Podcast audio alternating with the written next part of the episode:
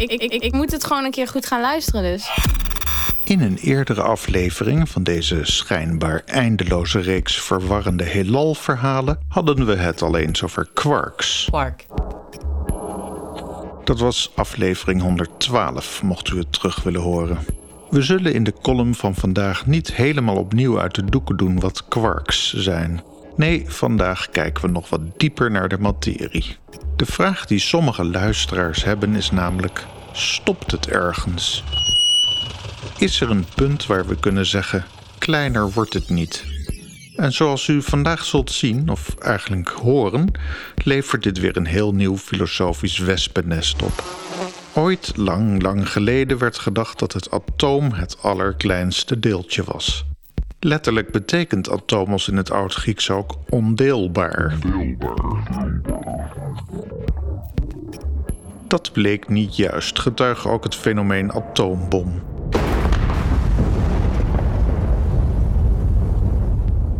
Tegenwoordig onderscheiden we elementaire deeltjes, wat eigenlijk weer een bij voorbaat falende poging is om onze nieuwsgierigheid een halt toe te roepen. Zo'n elementair deeltje wordt geacht geen interne structuur te hebben en dus ook niet meer op te splitsen te zijn. Maar is dat wel zo? Vandaag zullen we onze hersens eens een beetje masseren op dit punt. Eerst even de elementaire deeltjes die we nu kennen. Oké. We onderscheiden bosonen die krachten transporteren en fermionen die de materie uitmaken. Onder de bosonen vinden we de foton, gluon, Higgs-boson en W en Z zwakke krachtbosonen. De fermionen kunnen weer worden opgedeeld in zes verschillende quarks en zes verschillende leptonen. In dat eerder genoemde atoom, waar bijna alles uit bestaat dat we om ons heen verzamelen, vinden we een kern die bestaat uit protonen en neutronen met daaromheen elektronen. Die elektronen zijn wel elementaire deeltjes en wel uit de familie van leptonen. Tuurlijk. De neutronen en protonen blijken opgedeeld te zijn uit verschillende combinaties van quarks. Een beetje afhankelijk van de taxonomie die we gebruiken, hebben we 17, 18 of 19 elementaire deeltjes. 17 als we de voorgenoemde indeling gebruiken, 18 als we een positieve en een negatieve W-boson onderscheiden. En sommige natuurkundigen gaan ervan uit dat er nog een deeltje voor de zwaartekracht, een graviton, moet bestaan. En dan hebben we 19 elementaire deeltjes. Nu is natuurlijk de vraag: als we een eindeloze vrijheid en ruimte hebben en een eindeloze voorraad van deze elementaire deeltjes, kunnen we het heelal dan volledig nabouwen? Of is het model nog incompleet? En hoe weten we überhaupt of we te maken hebben met de kleinste bouwsteentjes van ons heelal? Continue, Captain. Om te beginnen is het interessant om te weten hoe we überhaupt weten dat er dingen zoals quarks bestaan. It's strange. Deze quarks zijn nog niet rechtstreeks waargenomen en het is ook zeer de vraag of dit ooit zal lukken. Oh. In 1990 ontvingen wetenschappers Friedman, Kendall en Taylor de Nobelprijs voor hun onderzoek naar quarks. Het proces dat zij gebruikten voor het aantonen van quarks staat bekend als deep inelastic scattering.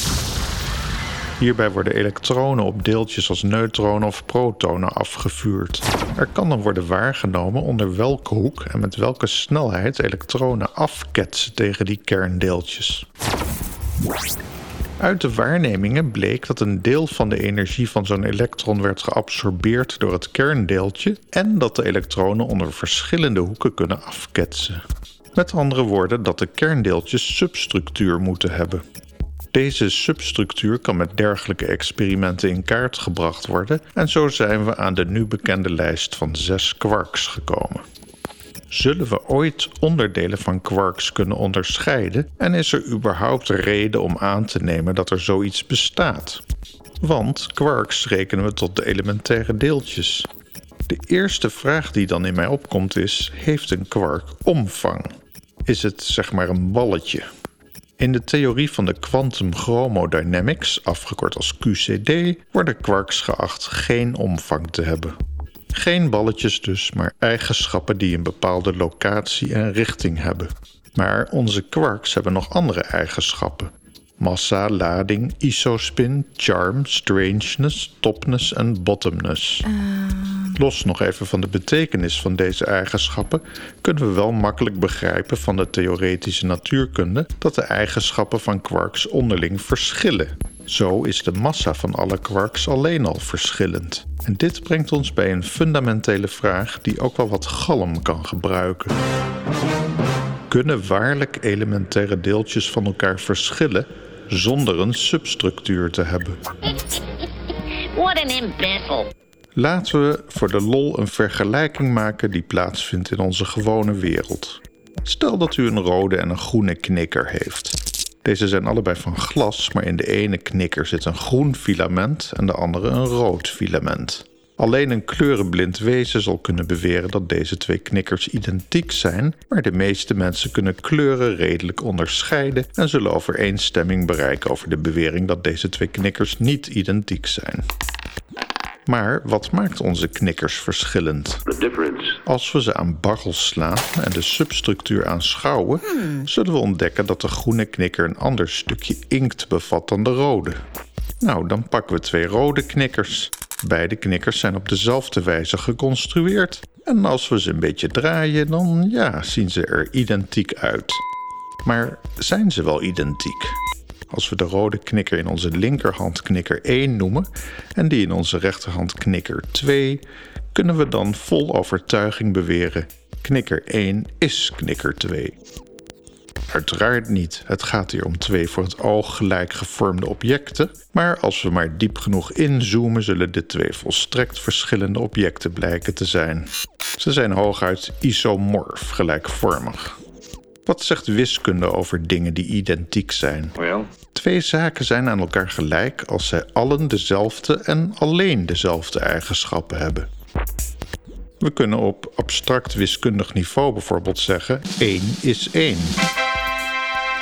Het getal 1 is positief, enkelvoudig, geheel, een natuurlijk getal en heeft een waarde van 1. Dit geldt voor elk getal 1 en we kunnen met gerust hart beweren dat 1 is 1 en dan weer rustig gaan slapen zonder wakker te worden gemaakt door de wiskundepolitie. Het dagelijks leven biedt ook nog mogelijkheden om met zekerheid twee zaken identiek te noemen. Als we bijvoorbeeld een moordenaar zoeken en iemand vinden die behalve een motief, een DNA-match en geen alibi ook nog eens een volledige bekentenis aflegt, dan kunnen we zoiets zeggen als Frans J is de moordenaar van Koos Z. Moordenaar van Z en Frans J zijn één en dezelfde persoon, die te allen tijden dezelfde ruimte innemen in ons heelal en uit dezelfde elementaire deeltjes bestaan. Dit brengt ons weer bij die elementaire deeltjes. Zijn twee ondeelbare quarks met verschillende massa en verschillende isospin identieke ondeelbare coördinaten die om een of andere reden verschillende massa en verschillende isospin vertonen? I don't know. Maar hoe dan? Ik snap het niet. Moeten we niet nog een extra stap maken en zeggen dat alles uit pure energie bestaat? Pure energy. En dat een charm quark uit meer energie bestaat dan een strange quark? Al misselijkmakend vaak heb ik in deze serie columns benoemd dat massa en energie identieke eigenschappen zijn die we echter op verschillende wijzen waarnemen. Hier is het dat de snaartheorie ten tonele verschijnt. De superstring-variant van de snaartheorie zegt dat alle zogenaamd elementaire deeltjes uit identieke snaartjes bestaan, die echter op verschillende wijzen trillen. De snaartheorie zegt dus, dat heeft u goed gehoord, daadwerkelijk dat elementaire deeltjes uit identieke snaartjes bestaan. Alleen hoe deze trillen is anders voor verschillende deeltjes. Een bepaald trillingspatroon maakt dat zo'n snaartje zich als foton gedraagt, maar als hetzelfde snaartje op een andere wijze zou trillen, dan zou het een gluon of een Higgs-boson kunnen zijn. Nou is het aantrekkelijk om in onze ongebreidelde fantasie kleine trillende snaartjes voor ons te zien en dan direct te vragen van welk materiaal deze snaartjes dan weer gemaakt zouden zijn, maar dat is niet wat we hier moeten beogen. De snaartjes van de snaartheorie zijn namelijk eendimensionaal. Dat betekent dat ze geen fysieke ruimte innemen. Dat wat wij ervaren als ruimte kan geheel opgebouwd worden uit interacties van dit soort snaartjes. Maar in grote lijnen kunnen we dus met goed fatsoen aannemen dat alles maar een trillende verschijningsvorm van energie is. Dat wat u ervaart als de zaterdagkrant, ruzie of een goed klaargemaakt stukje zalm, heeft alleen bestaansrecht door de optelsom van een enorme hoeveelheid verschillende trillingen. Maar dit geldt natuurlijk alleen als de snaartheorie het bij het juiste eind heeft. Tot volgende keer. Heb je ook nog vragen over de sterren? Mail dan naar hensimmerman.gmail.com.